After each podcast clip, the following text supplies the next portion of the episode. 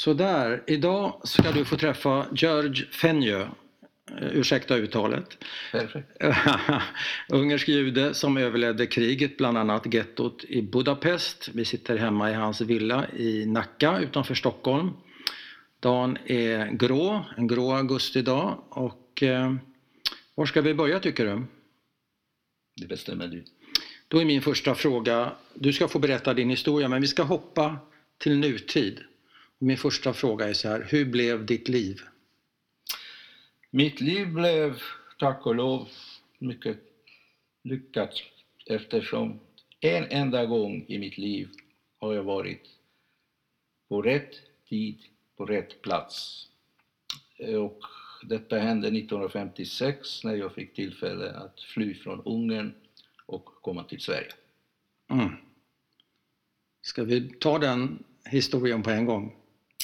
Ja, den historien är väl tämligen enkel.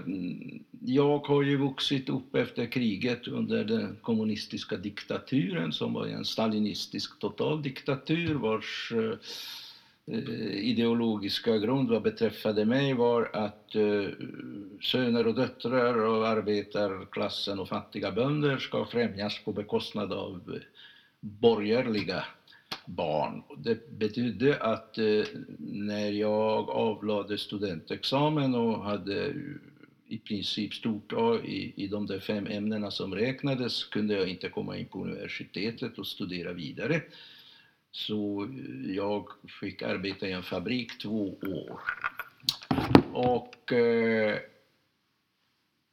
sedan var det ju så att eh, under kriget förlorade vi vår lägenhet. Jag växte upp i, med min mor och fosterfar i en femrumslägenhet där vi ägde två rum. Förutom oss bodde tre andra människor, det vill säga två äkta par och en ensamstående kvinna i den här femrumslägenheten. Och den var inte något enkelt och lätt liv, även om det finns värre saker. Vår ekonomi var väldigt dålig.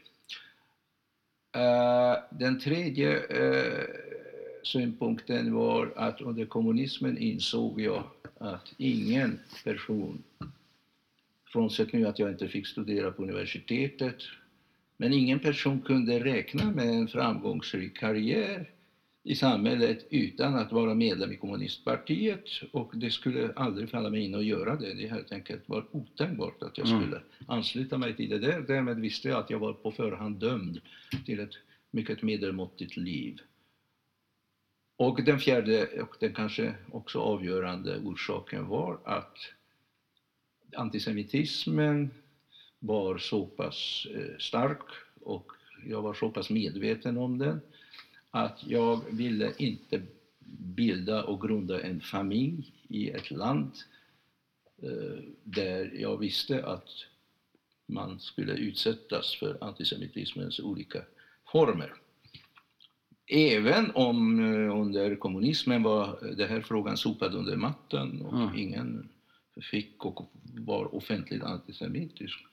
Eh, trots Stalins härjningar, men inte i Ungern, fram till 1956. Så allt nog detta gjorde att jag börjat ungefär när jag var 17 år 1955 redan var jag mer eller mindre klara på att vid första lämpliga tillfället skulle jag lämna landet. Men det var ju järnridå och gränsen var ju minerad och det var ju absolut omöjligt att ta sig ut. Eh, Till, tillsammans med dina föräldrar? Nej, jag, jag tänkte bara på eget öde eftersom allt det där var ju oklart. Min mor hade ju rejält arbete, min fosterfar hade också, min far dog ju i kriget. Det kan vi återkomma till senare. Mm. Och eh, då var det en sorts dödväder och sommaren 1956 plockades upp minorna mot den österrikiska gränsen och när revolutionen bröt ut i oktober 23 oktober 1956 så var min första tanke att nu har tillfället kommit och jag ska försöka sticka så fort som möjligt. Jag var inte ensam om denna tanke för eftersom det var ungefär 200 000 människor som lämnade Ungern under eh, november, december och fram till våren när, när de täppte till gränserna. Och så var det med den saken. Hur gick det till att fly? Ja, det är en lång historia, men för att fatta mig kort. Eh, min bästa kompis eh, som jag brukar göra fotvandringar med tillsammans och jag gick, åkte tillsammans.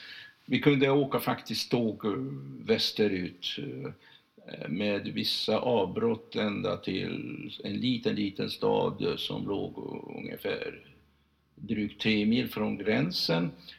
Och eh, sen gick vi ungefär tre och en halv mil eh, och eh, på kvällen gick vi över gränsen till Österrike och ja, det var smärre och större äventyr under tiden men som sagt om 200 000 människor lyckas så är det inte så märkvärdigt att vi har också lyckats. Mm. Ingen har skjutit på oss och folk uppfört sig väldigt väl. Så länge vi var i Ungern så stöddes vi ju. Till exempel en polisman kom på tåget och frågade vart vi ska. Och då sa, sa jag att ja, det, det vet du väl. Och det enda han ville veta och kolla att vi inte hade vapen med oss och det hade vi inte. Mm. Annars så fick vi gå. Mm. Och hur kom ni sen till Sverige från Österrike? Ja, ja, i Österrike var de väldigt välorganiserade för att vi kom ju inte så tidigt. Alltså, jag, det, dagen jag gick över gränsen var första december. Men då hade de redan tagit emot flyktingar tre veckor. Men jag, jag låg hemma. Första december 1956. 56, ja. Men jag, jag fick en feberinfektion så jag låg till sängs 7-8 dagar och blivit försenad, citationstecken. Mm. Och så att i Österrike var man först vid den här lilla byn vid gränsen, sen och transporterades till ett större läger och så småningom till ett annat läger där mest ungdomar fanns uppe i Kärnten, mycket vackert på tusen meters höjd. Och sen eh, skjutsades vi ner till Graz med buss. Där eh, fanns ju den svenska mottagningskommittén eller eh, eh något, något liknande som gjorde intervjuer och de var mycket, mycket ärliga och sa att eh, vi kan erbjuda dig arbeta, arbete men vi kan inte tillförsäkra att du kan studera. Och då sa jag okej, det tar jag. Och eh, jag hade två alternativ, antingen kom- komma till Sverige eller komma till England, så det blev Sverige. Mm. Och eh, huvudtanken var att jag ville stanna i Europa, inte för långt från min mor som levde. Och, eh, och så blev det. Så blev det en resa från Graz via Wien med en linjebuss med två chaufförer, toalett ombord. Det tog 58 timmar innan vi rullade av i Helsingborgs hamn. Mm. Stanna bara för att käka Mm. på väg. Så var jag Ramlösa brunn. Ramlösa brunn. Ja, vackert och fint. Och hur blev du från den situationen läkare? Ja, det är en intressant fråga. Det var ju så att jag kunde ju trots allt något engelska för att jag bodde i skolan och så hade jag privatlektioner innan. Och situationen i Sverige som jag efteråt fick veta många år senare var att det rådde en enorm brist på arbetskraft. Och eh, jag, jag ville arbeta och eftersom jag var utbildad galvanisatör i grammofonskiveindustrin då, då talar jag om det gamla 78-varvare stenkakor Ja. som pressades Ja. av plast och det behövdes en matris och matriserna eh, eh, eh, eh, jo, till, tillverkade man genom galvaniskt väg i kopparbad och nickelbad med mera. Men var hade du lärt dig det? Du var Ja, jag bara jobbade 17 två år? år. Nej, alltså jag tog studenten fem, 54 när jag Ja. var två, 18 år gammal. Och två år jobbade jag i fabrik. Okej. Första året som lärling de, plus Mm. skolning och andra året som vanlig arbetare. Okej, så den kunskapen... Jag kunde, ja. Jag, Mm. jag, var, ju- jag hade ju yrkesutbildad. Mm. Och jag skrev eh, i Sverige i början av januari. Jag anlände till Helsingborg den 18 december, sex dagar före julafton. Och i början av januari skrev jag till fyra eh, grammofonskivefabriker i Sverige och jag fick tre svar varav två nekande. Men en fabrik erbjöd mig arbete och då kunde jag inte ett ord svenska. Nej. Och jag har varit i Sverige tre veckor knappt. Och var började du jobba någonstans? Nej, ingenstans för att eh, chefen från lägret sa att jag ska ta det lugnt för att de planerade en utbildning för eh, min åldersklass i Lund eh, som ville gå vidare och studera. Och jag ska inte gå och arbeta utan invänta den här kursen, vilket jag gjorde. Och Ja. mycket riktigt, i slutet av januari flyttade vi in till Lund. Där samlades ungefär i första omgången 30-tal ungerska studenter och vi fick en fantastisk språkkurs på fyra månader, tre timmar om dagen. Och eh, började läsa direkt Martin Birks Ungdom av Hjalmar Söderberg. Mhm. Och sen läste vi diverse andra eh, Kunde du förstå. Ja, inte i början, men eh, det var ju så här att eh, vi, vi var ungefär tio i gruppen. Och med hjälp av tyska, engelska, franska beroende på vilket språk man behärskade eller hade ett hum om och hade ordbok till, så läste vi och så Mm. översatte vi dubbelt. Det fanns ingen ungersk-svensk eller svensk-ungersk ordbok på den Mm. tiden. I varje fall inte till, till vårt förfogande.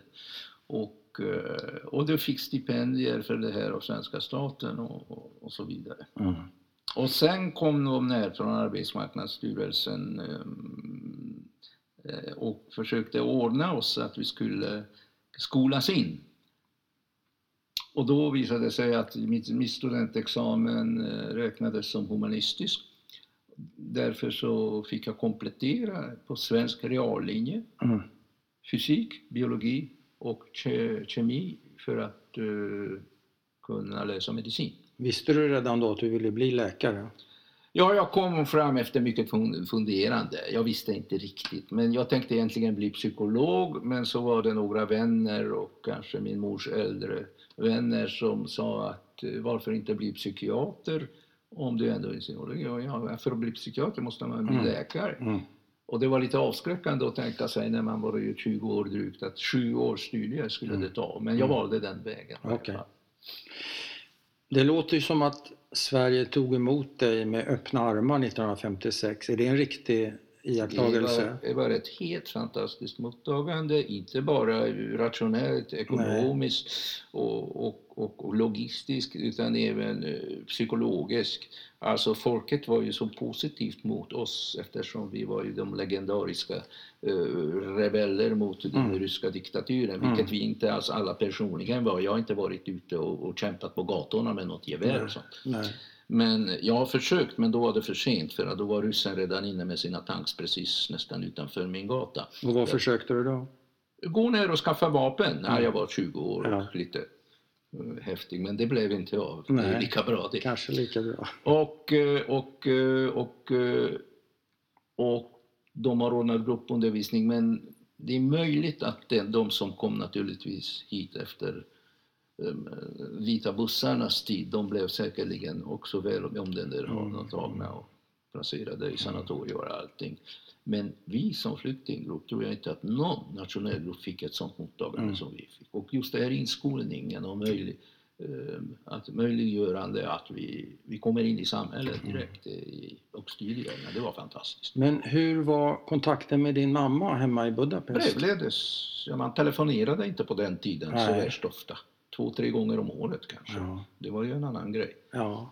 När kunde ni ses första gången? Ja, vi såg relativt tidigt. Min mamma var konsertimpresario i det statliga konsertbolaget i Ungern. Och Det vill säga bokade artister, ja, konserter? ja, ja, ja, ju klassisk musik Ja. och, eh, och eh, ja, även icke-klassisk för den delen och hade hand om del. Så att hon faktiskt fick redan januari 1958 följa med den ungerska statliga symfoniorkestern på en eh, konsertturné i dåvarande Västtyskland. Mm. Så jag åkte ner och följde med dem så vi var tillsammans 28 dagar där Mm. och det var ju ett privilegium. Det, normalt gick det inte. Och sen har vi träffats en gång till i Paris där, var, där hon var ute för att förhandla och ytterligare en gång i Hamburg där eh, hon var med ett mindre zigenarkapell som spelade där. Mm.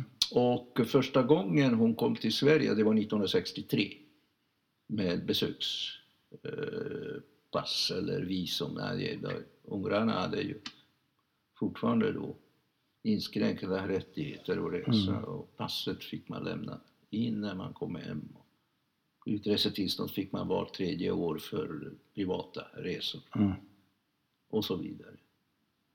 Men de kom till Sverige första gången 63? 63 besökte hon mig första gången och jag besökte henne, alltså jag, jag blev svensk medborgare eh, 1965, eh, 66 tror jag. Eh, Just det.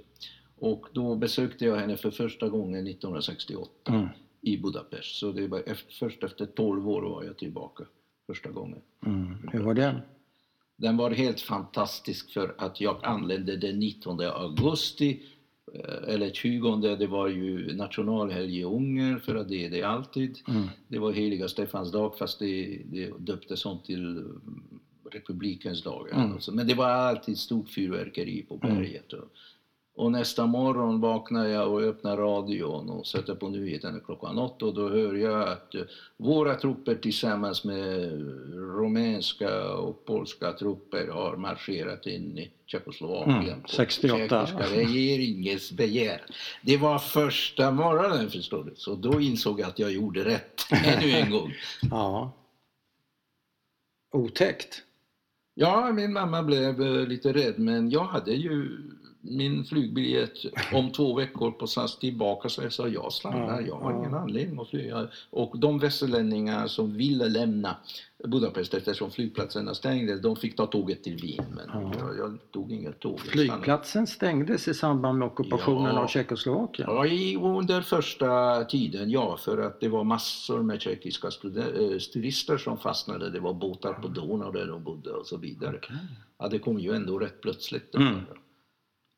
Men eh, en personlig fråga kanske. Din mamma levde och dog i Budapest, Budapest, eller? ja. Hon flyttade aldrig till Sverige? Nej. Nej.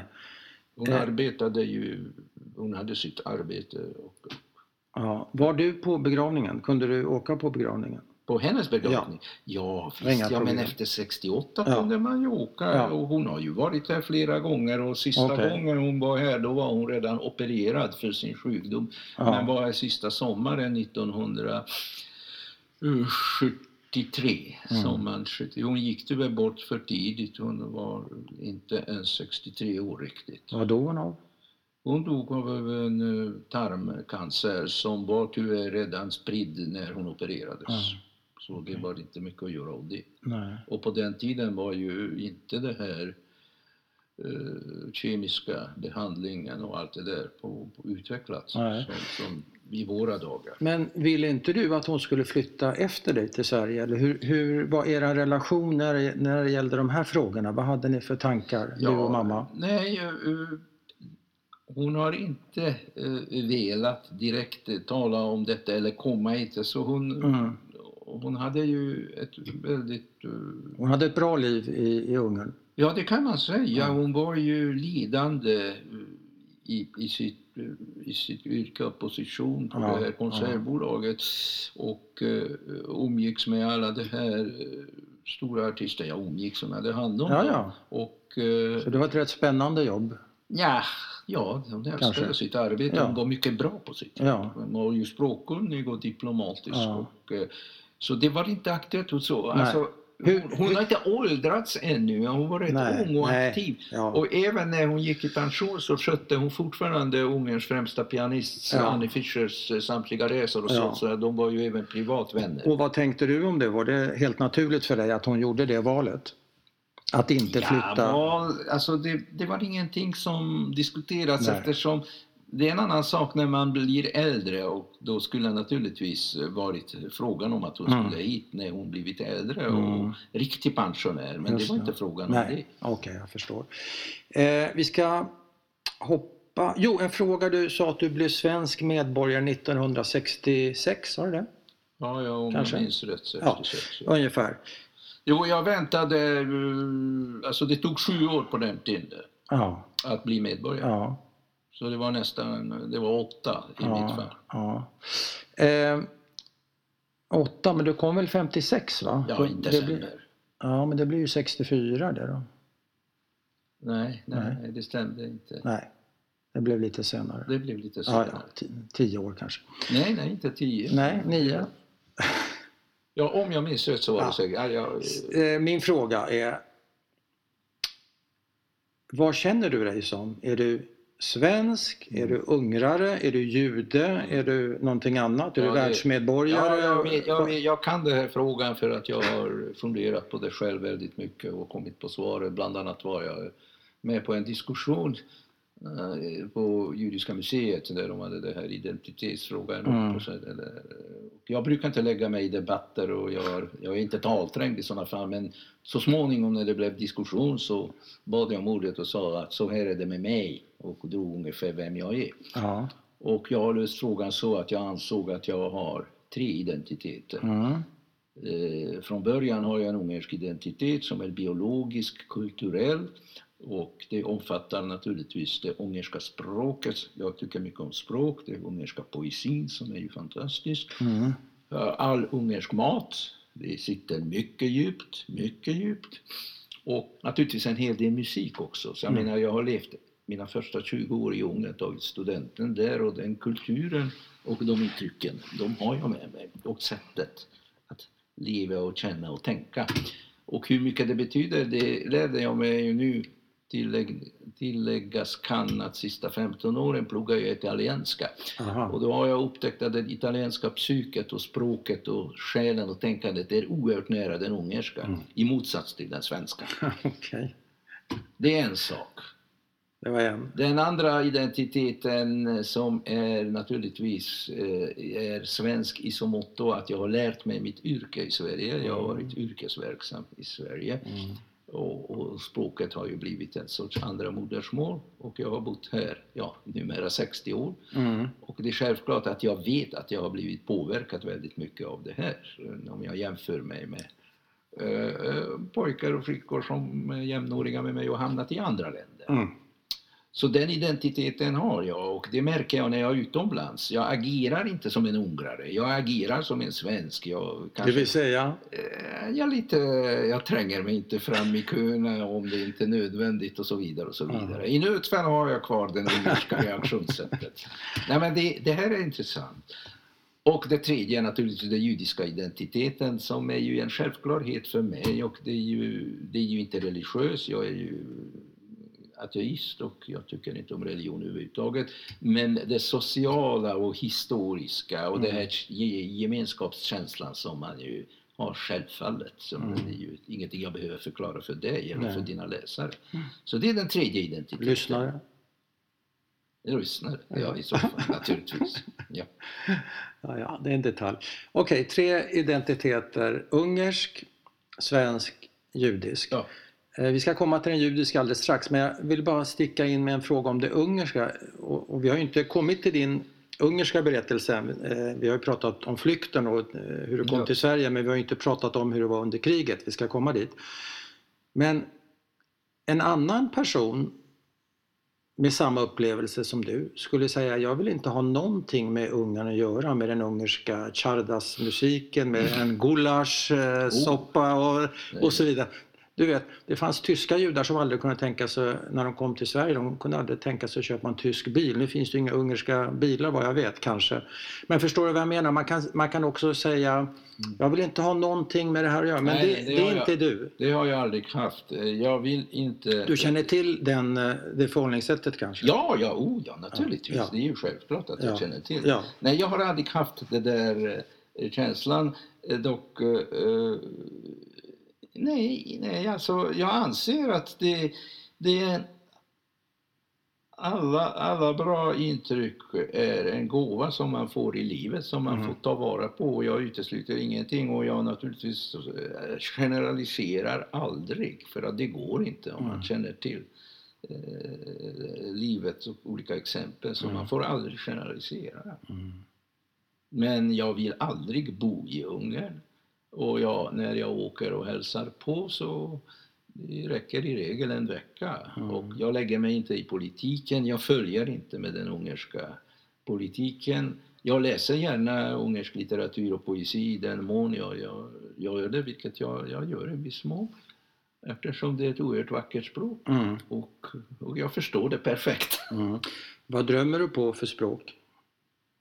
Jag vet inte. Jag, jag, jag har väldigt mycket drömmar men det är händelser utan eh, Mm.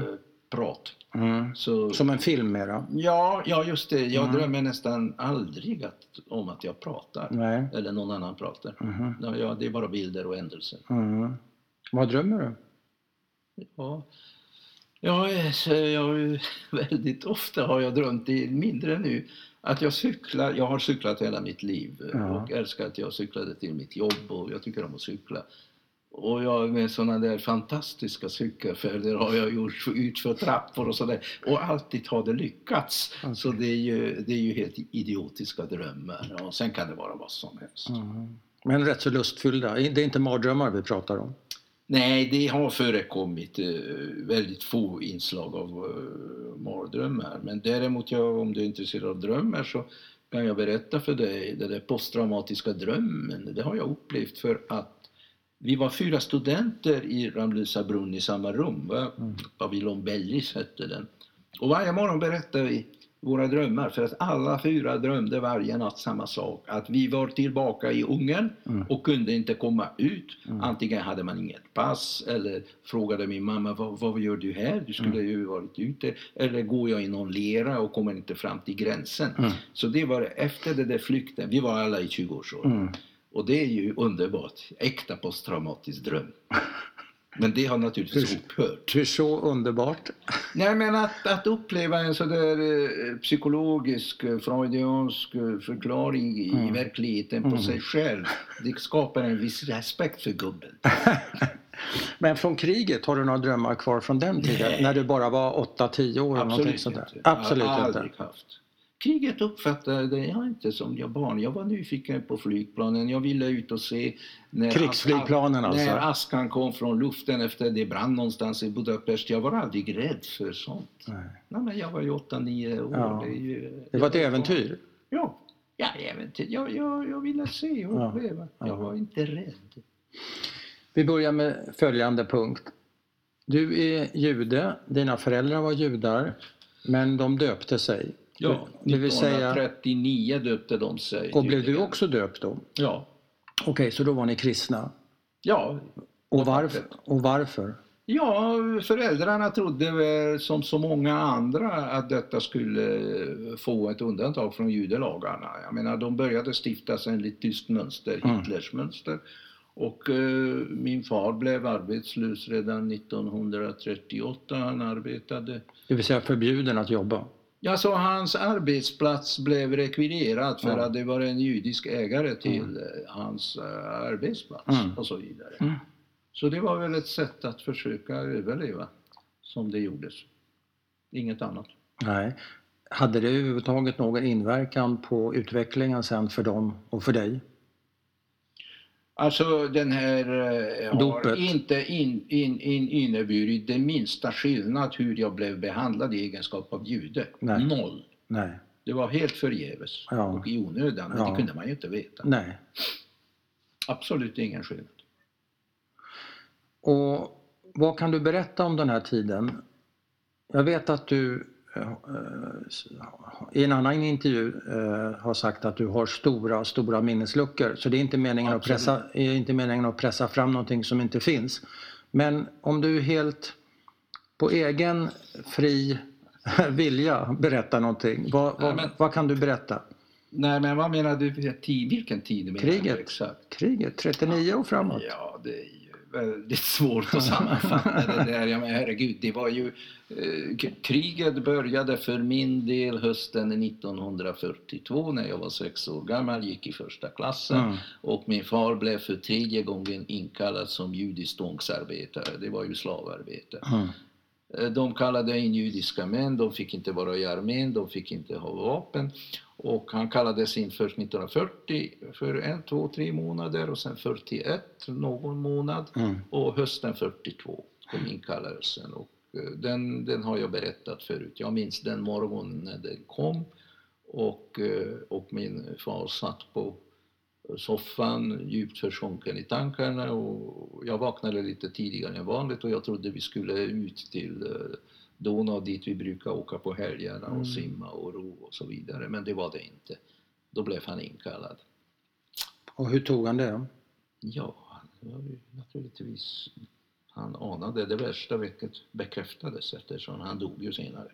Mm. Och eh, den här och då påbörjade diverse förberedelser när det visade sig att hans trupp skulle till ryska fronten. Och i slutet av november så uh, åkte det här truppen ut till fronten. Mm. Och vi fick ett, hans sista vykort från fälttåget kom med dateringen 31 december 1942 och sen fick vi ingenting veta förrän Röda Korset efter min mors, jag hade breven kvar, eh, undranden meddelade att han försvann eh, 1943 mellan 16 januari och 16 februari. Försvann? Ja, det är termen när det inte finns någon som bevittnar någons död, så var det försvann. Det, mm. Röda Korset kunde meddela att försvann eller dog. Så ingen har sett honom dö, ingen vet någonting Nej. om hans öde. Han försvann och försvann och kom aldrig igen. Och jag vet naturligtvis ingenting. Och eh, så kriget började i och med det där. Och sen eh, då gick jag ändå i skola och två år ungefär men den 19 mars 1944 så ockuperade Tyskland Ungern. Och eftersom Ungern började bli kanske lite motvillig att följa den tyska ledningen och de tyckte att det var lika bra och då började ju hela karusellen för att... Eh, stats... Vad menar du med hela karusellen? Ja, med eh, deporteringar, judeförföljelserna och flyttningar och allting. Då åstadkoms så kallade judiska hus. Så vi fick flytta från vår lägenhet till ett annat lägenhet och en tredje lägenhet och en fjärde lägenhet. Och då började kriget kännas. Och skola gick jag inte efter tyska ockupationen. Ja, 44? Ja. Nej, jag gick inte i skolan. Så att, och, För att du inte fick? Jag gick inte, jag vet inte Nej. om jag fick eller inte. Här kommer igen den ja. stora lakunen. Ja. Jag vet inte. Nej. Jag gick inte. Och, eh, och fråga mig inte vad jag gjorde på dagarna. Nej, det, det ska jag inte göra. Och alltså vi hade en väldigt liten familj. Vi, min, min far, min mor, min farmor och jag bodde ju tillsammans. Du menar din styvfar? Nej. Nej, jag talar om min far Men före pappan kriget. Ja, ja, ja, ja okay. I vanliga fall, ja, så att farmor Såklart. bodde med oss, om ja. jag skulle säga så istället. Och eh, när far var borta så var vi tre. Ja. Så då påbörjades en odyssé med olika förflyttningar med allting. Och, och från ena lägenheten till den andra, till den tredje och till den fjärde. Och, och vem bestämde när ni skulle flytta från det ena till det andra? Ja, alltså det var väl eh, lagstiftning mot judar att de skulle med den, det datum förflytta. Ja. Eh, okay. De koncentrerade, det fanns vissa judiska hus utspridda i ja. stan först men sen koncentrerades de till vissa områden. Ja. Och, och jag kan inte redogöra varför vi flyttade Nej. från nummer tre till nummer Nej, fyra. Eller nummer fyra till nummer fem, men Nej. så var det i varje fall. Och, så, och då tätt, var vi tre. Och, hur tätt kan det här ha varit? Det är fem gånger på ett år, eller? Ja, alltså den första flyttningen var väl sommaren 1944 mm. och det här hänt fram till 19 eh, januari 1945, mm. eller man kan säga till och med november 1944, alla dessa flyttningar. Ja. Och till saken hör att min mor blev eh, rekryterad av pilkårsstjärna, vilket visade sig vara vår livräddning. Alltså de ungerska nazisterna? Ja, eh, pilkårsstjärna var ju den ungerska nazistpartiet mm. som efter ett, ett kupp tog makten den 15 oktober 1944 mm. när riksföreståndaren Horthy dagen innan i ett tal försökte förklara att Ungern hoppar av kriget mm. och, och ska göra separat fred mm. med västmakterna. Vilket alltså förhindrades för att tyskarna eh, hade honom i husarrest. Och mm. den här ledaren för Pikårspartiet som heter Ferenc Szalosy, han tog makten. Mm.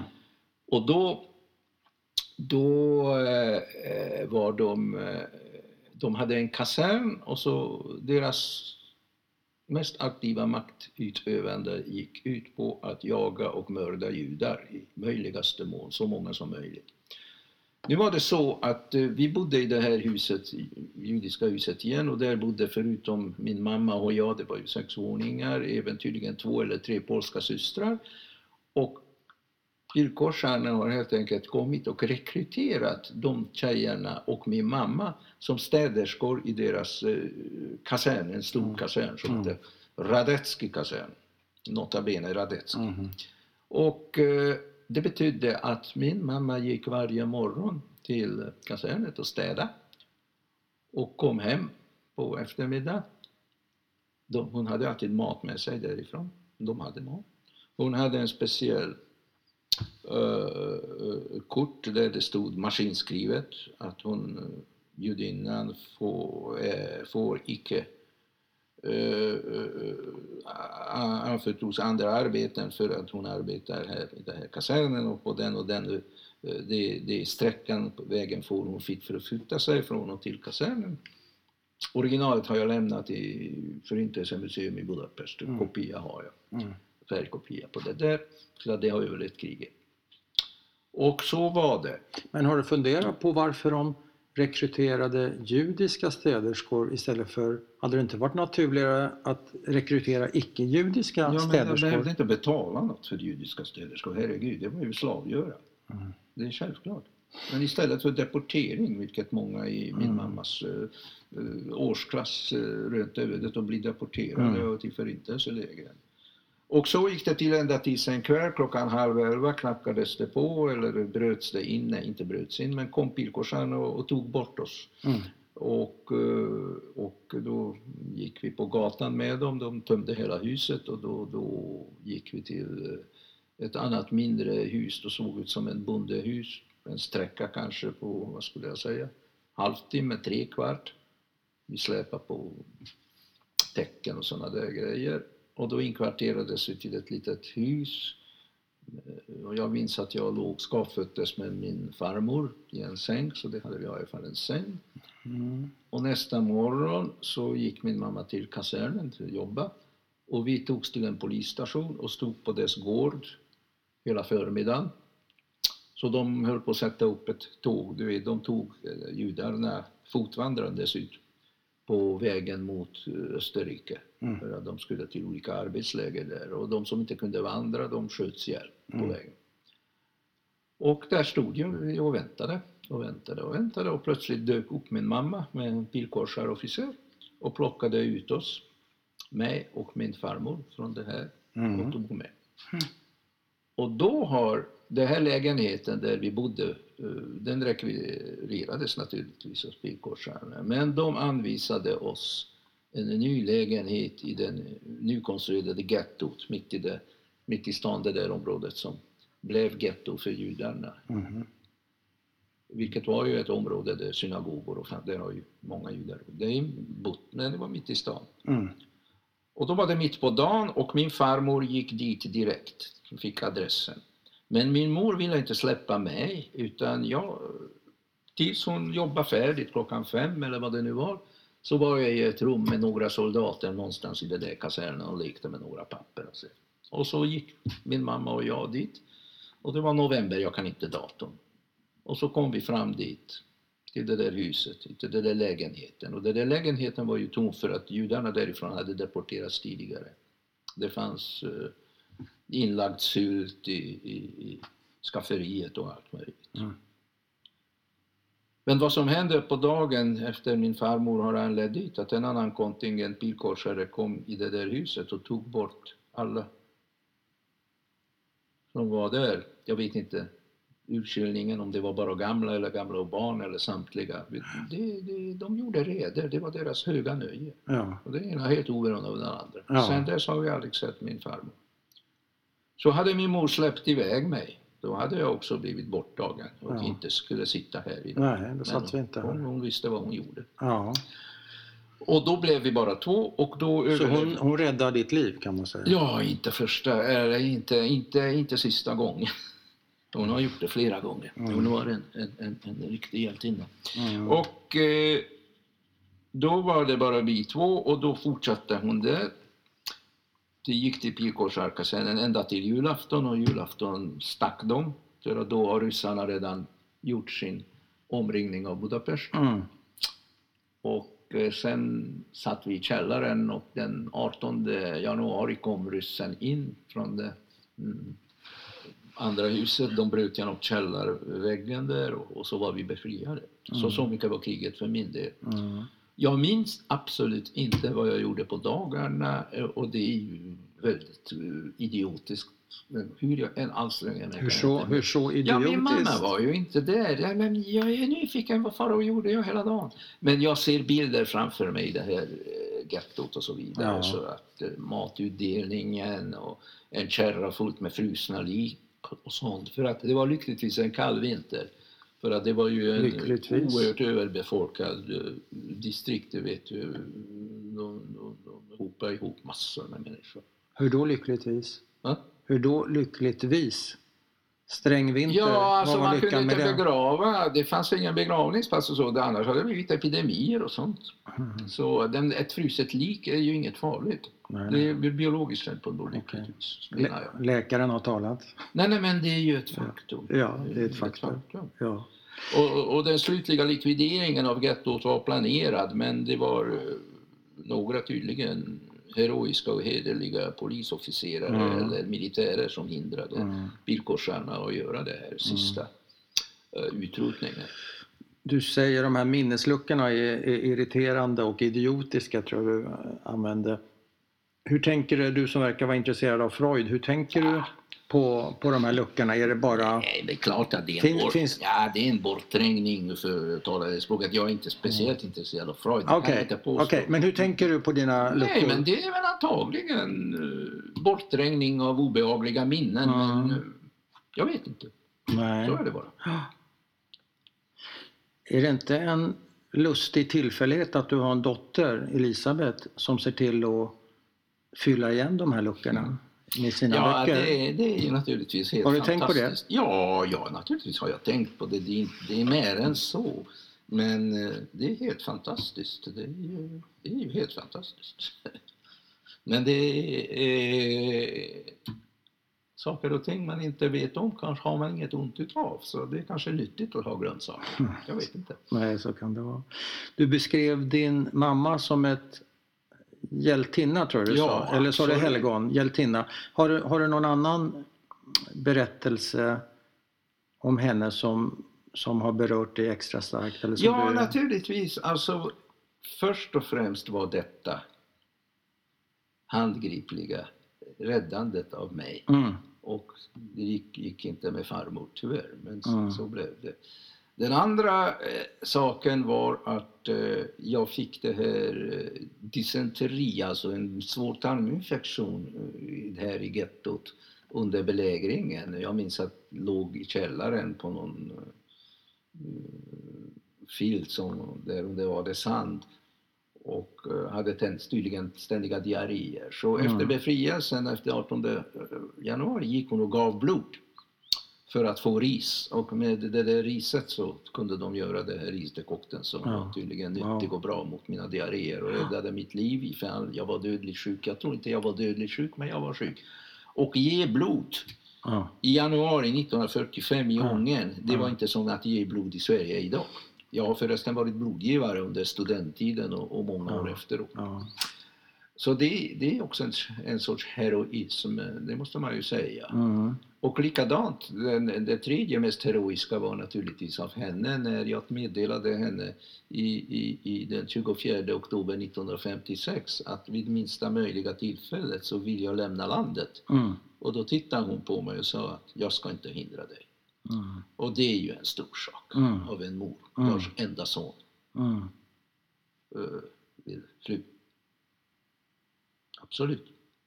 Det är inte alla mödrar som var sådana. Det är en hel del som inte talar om för sina föräldrar. Eller så. Hon måste ha varit rätt så oegennyttig din mamma. Hon varit oerhört osjälvisk och gjorde allt för andra och Mm. eh, kanske inte tillräckligt mycket för sig själv. Men du känner igen människotypen. Det är ju Mm. oftast kvinnor som är så och det var på den tiden så.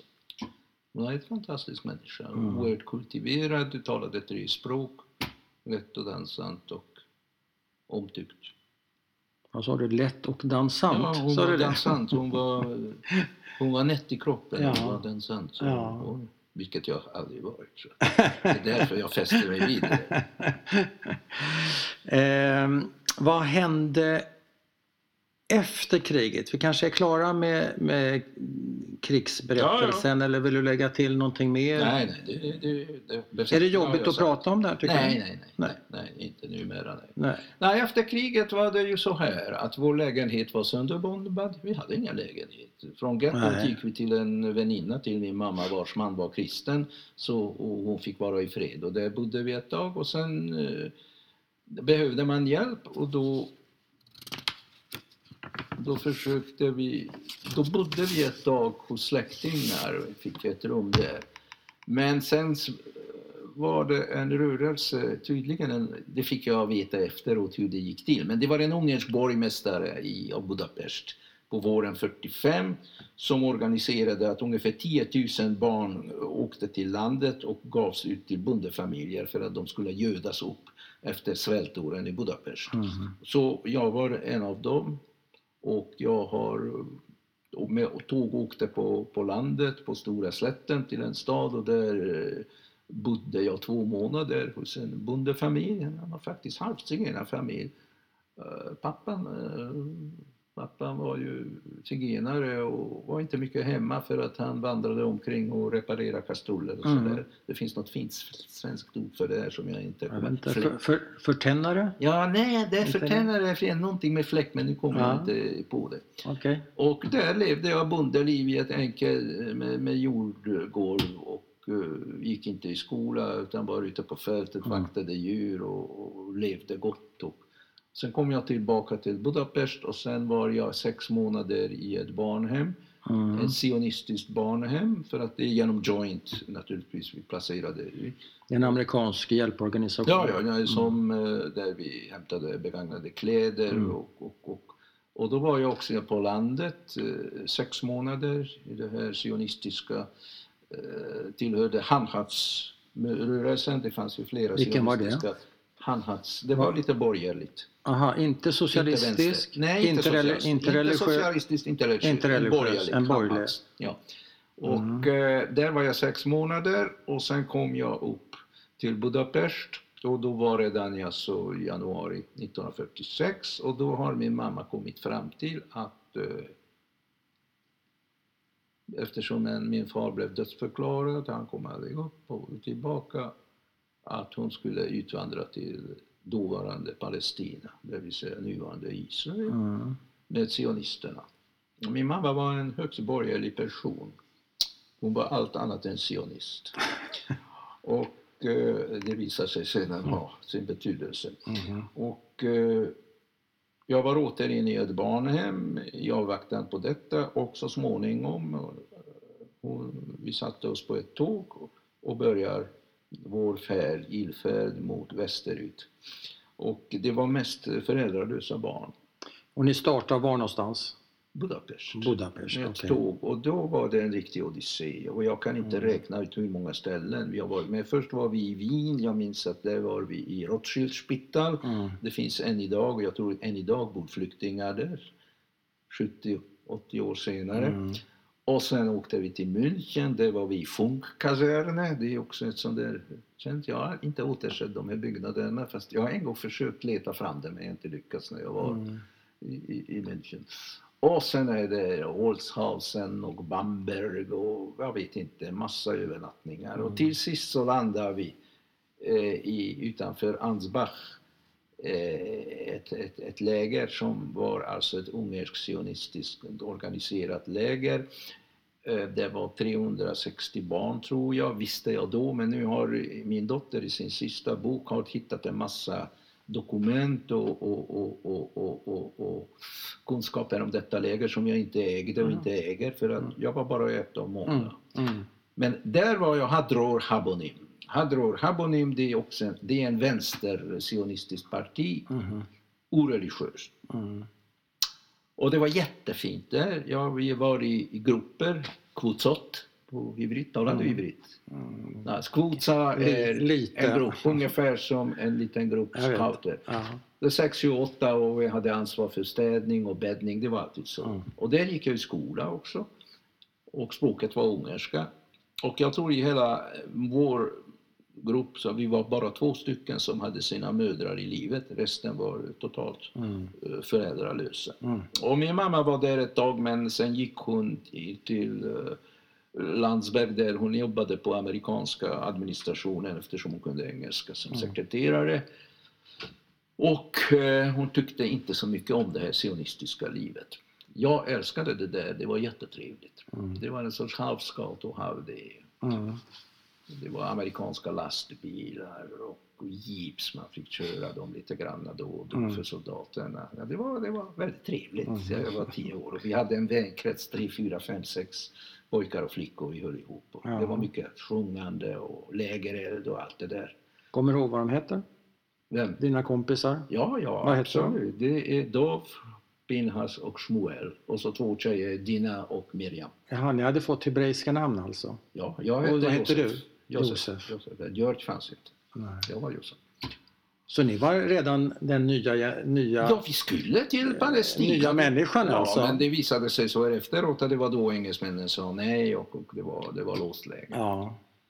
Allt nog, min mamma åkte tillbaka till Budapest. Hon fann sig inte, fann sin, inte sin plats där. Och där Nej. träffade hon min fosterfar. Min fosterfar var eh, eh, sån här eh, krigsslavkamrat med min pappa vid de första inkallelserna, alltså den fredliga. ja. Han överlevde Dachau och han hade familj före kriget och, men den familjen behöll, kunde han inte behålla för att eh, det kom lite komplikationer och hans före detta hustru med sin dotter och en dotter till eh, emigrerade till eh, dåvarande Palestina. Ja. Men han var där och min mamma Men vad då komplikationer? De skilde sig eller? Nej, vad? nej, hon fick ett barn med någon annan Ah. medan han var eh, i Dachau. Mm.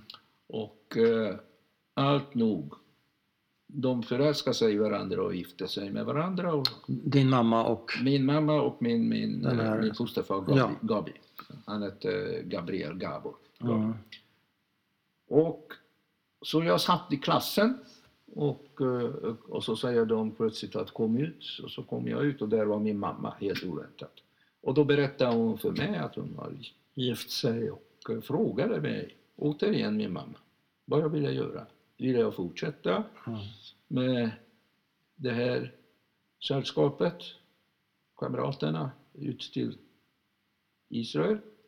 Eller ville jag komma hem till henne och Gabi till Budapest? Och då kommer in den utkända korven. Hon hade ett par ungerskorv med sig och jag var ju förälskad i korven. Och eh, tack vare detta, det är ju omöjligt att säga, men jag älskade min mamma naturligtvis. Så Mm. att jag, jag valde att åka tillbaka till Budapest. med Mm. Så åkte vi tillbaka till Budapest. Mm. Och den fasen var därmed avslutad. Jag var ännu en gång i något läge, en, någon sorts barnhemsvistelse. Men om jag har räknat en gång ihop, jag har sammanlagt varit två och ett halvt år av mitt liv i olika barnhem. Under dessa, dessa, Mm. dessa de här perioderna. Fram till 1947, när jag var 11 år gammal. Ja, Och... Eh, Vilket politiskt system mellan nazismen och kommunismen avskyr du mest? Du har ju, du haft, du har erfarenhet från båda, som, dels som barn men och det, dels som ja, men ungdom. herregud, det är klart att jag, är, det extremister så är jag alltid vänster och inte höger. Ja, men det är ju självklart. Ja, okej. Ja, ja men det är ju, det är ju, det är ju absolut självklart. Jo, men jag uppfattade, eller för sig du pratar om din mamma som är borgerlig person. Jag uppfattar det också kanske som en, en bildad medelklass får man väl säga. Ja, absolut. Eller absolut. hur? Ja, men herregud, nazisterna ville min död i egenskap av född jude. Kommunisterna ville aldrig min, min död för att jag var född jude. Nej, Det är möjligen för att du var, för att du var Nej, men- välutbildad. Ja, ja, ja, ja, men hade jag levt i, i Kambodja så, Ja. så hade de naturligtvis Pol Pots eh, grabbar Ja. slagit ihjäl mig i Ja. möjligaste mån. Ja, Och, och det kan man inte hjälpa. nej. Men, Okej. men, och, och kinesisk kulturrevolution, då hade jag råkat illa ut. Ja. Det var så kallade vänsterextremism. Men Ja. Pol Pot var inte eh, kommunist, han var en galning. Är en galning. En borg, ja, dessutom han var borgarbarn. Han, han skrev Okej. sin sta, stadsbild på Sorbonne i en avhandling. Men tillbaka till dig nu, vi Ja. skiter i Pol Pot. Eh, Har du någon gång lekt med tanken, det är ju barnsligt va, men ibland ägnar man sig åt barnsliga tankar. Vad hade hänt om jag hade hamnat i Palestina med, de, med det här Åh, ja, men det är inte alls barnsligt. Det är ju oerhört rejält. Och dessutom, jag har bevis för det. För att eh, vid en Israelresa så satt min hustru och jag på en buss och talade ungerska med varandra. Och så Mhm. kom en dam fram till oss i Mhm. den bussen. Och den, den damen var i samma läger som jag och berättade att sent omsider just med Exodus båten har de och när de kom till Israel så har de eh, eh, placerats på olika kibbutzen. Mm. Och just ett år tidigare hade de 50 års möte. Det här gänget som kom därifrån. Så Mm. jag vet vad som skulle ha hänt. Jag Mm. skulle ha kommit på den kibbutz.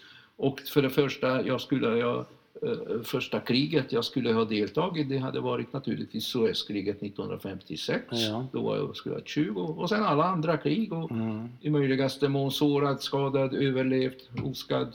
Vi hade just tre dagar sedan eh, satt en människa här som bor i Israel som är min goda väns eh, eh, kusin i Israel. Han berättade om sina sårskador och han, är nu, han har varit sårad i tre olika krig. Mm.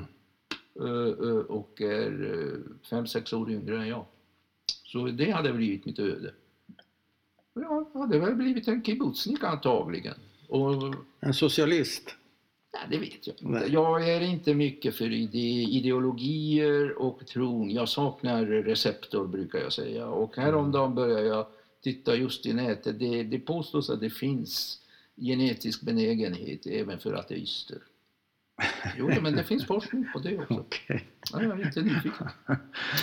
Eh, några sista frågor.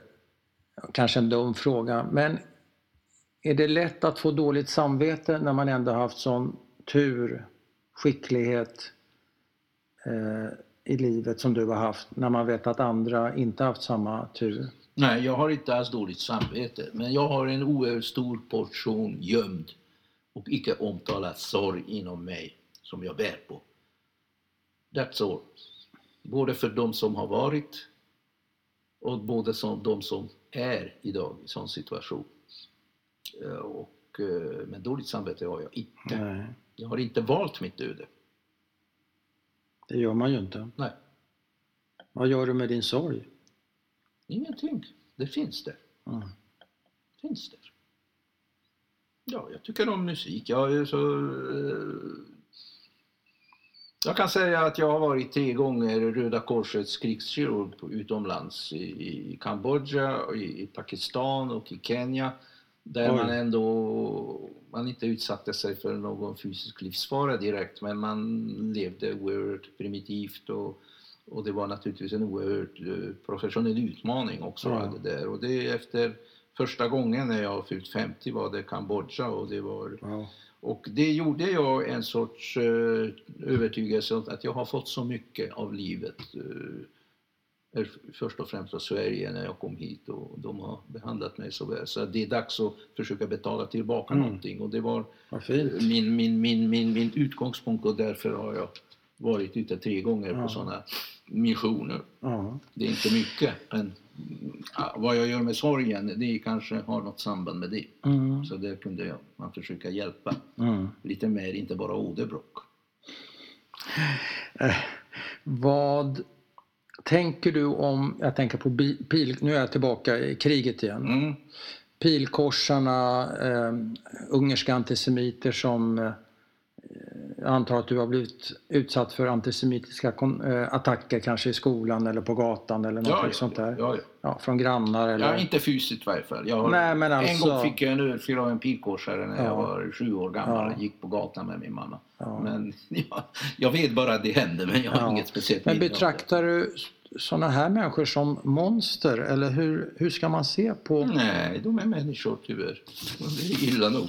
Vad betyder det för dig? Man kan vara så. Och, och under vissa omständigheter, man blir sån. Och det vet man ju. Men eh, den grundläggande orsaken är, är naturligtvis sannolikt en genetiskt betingad xenofobi, alltså en, en rädsla och en avvisande, hatfull attityd mot allt som är annorlunda. Och det Mm. finns i biologin, det finns i djurvärlden. Mm. Men hunden pinkar in sin revir, Mm. lite brutalt sagt.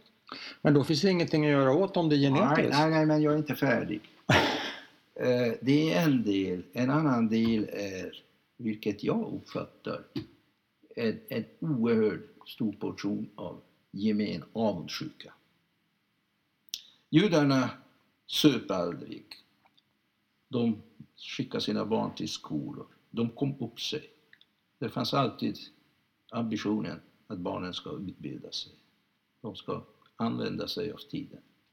Och naturligtvis, de, de hade kommit upp sig och slösade inte pengarna. Och grannarna, om du tar den vulgära antisemitismen Mm. som kännetecknar Mellaneuropa, Mm. Ungern, Polen, Rumänien etc. Mm. Det grundar sig väldigt mycket på en vanlig, vanlig avundsjuka. Mm. För att naturligtvis när man drev bort judarna så tog man deras hus och allting. Ja, det är klart. Och det tredje orsaken är naturligtvis den religiösa antisemitismen som Mm. dessa primitiva landsortsbefolkningen ju, hade ju stor maktprästen. Mm. Och eh, det var därför jag, om jag ska välja mellan två diktaturer så väljer jag hellre den kommunistiska. Mm. Där, Men är det inte Men- också...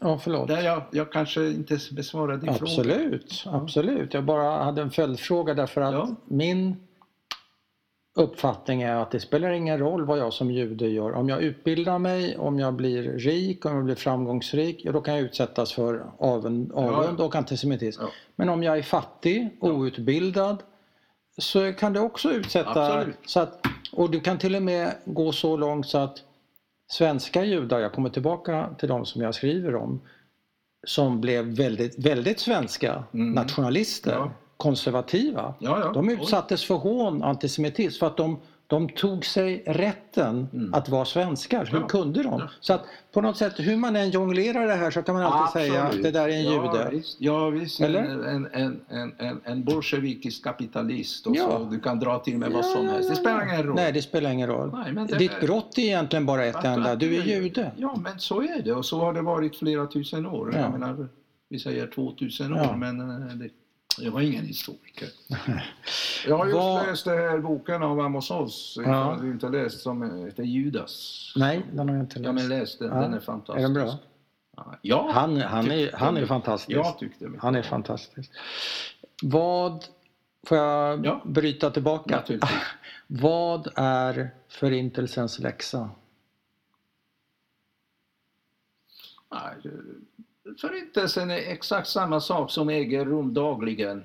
Men där var ju en oerhörd eh, koncentrerad eh, organisationsförmåga och teknik som gjorde att den fick den, de proportionerna den fick med Mm. så kallade 6 miljoner. Mm. Det- Jag har förlorat eh, stor del av min familj. Jag hade inte stor familj Mm. i Auschwitz när de blev mm, mördade och brända. Så att för mig är det en realitet. Och eh, Men finns det någonting att lära?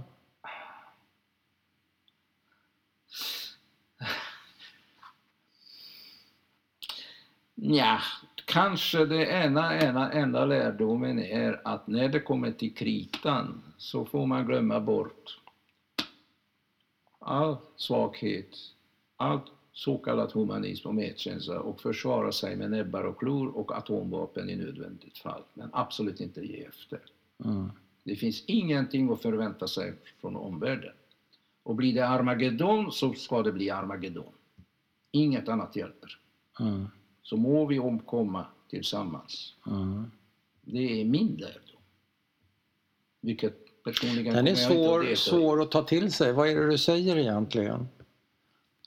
Jag säger att du ska vara medveten om att det är livet som gäller. Mm. och inte försöka vara och vad ska man nu säga, överseende eller optimist eller tro att det hjälper. För det hjälper inte. Mm. Vi kan inte ändra på vårt levda liv. Det hjälper inte att du, du är duktig och du Mm. är exemplarisk och Mm. allt det där som du vet mycket väl att judiska barn ska eftersträva Mm. genom föräldrarnas Mm. omsorg. och så vidare. Det hjälper inte. Och Nobelpriserna hjälper inte. Nej. Ingen älskar en jude bara för att den fått Nobelpris. Och som jag en gång läste att vattenklosetter kan man inte köpa arabisk medgörlighet med. Mm. Och så är det. Sen man bara veta att är det sådana där eh, tendenser som till exempel nu i Sverige, nazismen tilltar, det ska man vara medveten om. Och inte hoppas att det går över.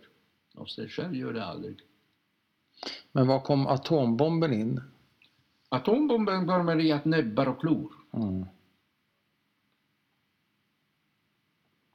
Ja, du vet mycket väl vad jag menar när jag säger det. Nej. Så det nej, men jag behöver inte gå in på det. Det handlar inte om mig alltså. Nej. Men lärdomen av Auschwitz för mig är att det är maximalt motstånd Mm. och inte något sorts noblesse oblige. Mm. Vad betyder det? Noblesse obligé, det betyder någonting Ja, om att glömma va? ädelmod, ädelmod förespråkar att man uppför sig Ja, det, på ja. ett gentlemannamässigt Ja. sätt, om du vill ha det så. Det finns ju tre nivåer tycker jag. Eh, när, om man utsätts för ett trauma, för en förintelse, för ett övervåld, vad du vill. Mm. Man kan reagera med hat, man kan reagera med hämnd och man kan reagera med förlåtelse. Jag för egen del förespråkar att, att det, finns ingen, det finns ingen vits med att hata och hämnas. Men förlåta behöver man inte göra. Hur tänker du? Jag kan inte förlåta någonting för att jag överhuvudtaget det här att förlåta det är ett, ett, ett, ett jävla skumt begrepp. Jag tror inte på det. Nej. Man kan tränga undan, Mm. man kan släta över, Mm. man kan gå vidare och inte tänka på det som en, en sorts lösning, modus vivendi. Mm. Hat har jag inte och vad var det tredje du sa? Eh, hämnas? Nej, nej, nej. Okej, då har vi samma, sysslar jag inte med. då har vi samma syn du och jag. Det finns ju det här eh, omkvädet, va? glöm aldrig. Man får aldrig glömma det. Det går inte Räck- att glömma. Nej men räcker det? Alltså för att det inte ska, för att det inte ska upprepas? Åh oh, nej, nej det, det räcker inte. Det räcker inte. Man måste vara va- vaksam och bekämpa direkt från början och inte ge efter. Mm. Och inte låta eh, dessa förnyade nazistiska tendenser ta plats Mm. i samhället Mm. och i verkligheten. Som är, det här är det mest aktuella läget just nu i Mm. Sverige. Så att det är därför jag formulerar detta så. Mm. Eh, ett par sista grejer bara, eh, om inte du sen vill lägga till något. Eh, hur ser du på den nuvarande svenska flyktingdebatten? Man pratar om att vi gör för mycket, vi gör för lite. Hur ser du på det? Kan, Ja. man, kan man göra för mycket? Ja, jag, det här är oerhört svårt för att jag är ju en flykting själv. Jag vet, det är därför jag frågar dig. Oerhört väl behandlad av Sverige. Ja. Och, eh, och det är självklart någonting. Sen uppfattar jag eh, ändå flyktingproblematiken som en sorts ny folkvandring. Och vi har historiskt haft folkvandringar i Europa Mm. ända, ända sedan, vad ska jag gå tillbaka, 800 eller 400-talet. Så det tillhör historien med Mm. folkvandringar. Mm. Och folk är inte medvetna om vad, vilka stora folkomflyttningar har gjorts bara under de sista hundra åren Mm. med våld. Eh, tyskspråkig befolkning från Polen, eh, polskspråkig befolkning till Ryssland och tillbaka. Mm. Rumänien har sina förflyttningar, österut Moldavien och allt det där. Så det här är inte så där jungfrulig situation som Sverige har befunnit sig under, under eh, 2000 år, Mm. eller 1000 år åtminstone. Det är unikt. Mm. Så Sven, Sverige har inte eh, haft chans att lära sig detta. Och det är klart, det är nytt och traumatiskt att få in så mycket främlingar. Jag ser hur gatubilden ser ut. Men Mm. jag, jag är inte kapabel att säga eh, vilken mängd, vilket antal och sånt. Men eh, rent konkret skulle jag säga att en, en viss begränsning bör, bör införas tills de har tagit hand om de som är här och står i asylkö och får inte besked år efter Mm, år, får inte arbete, får inte lära sig språket.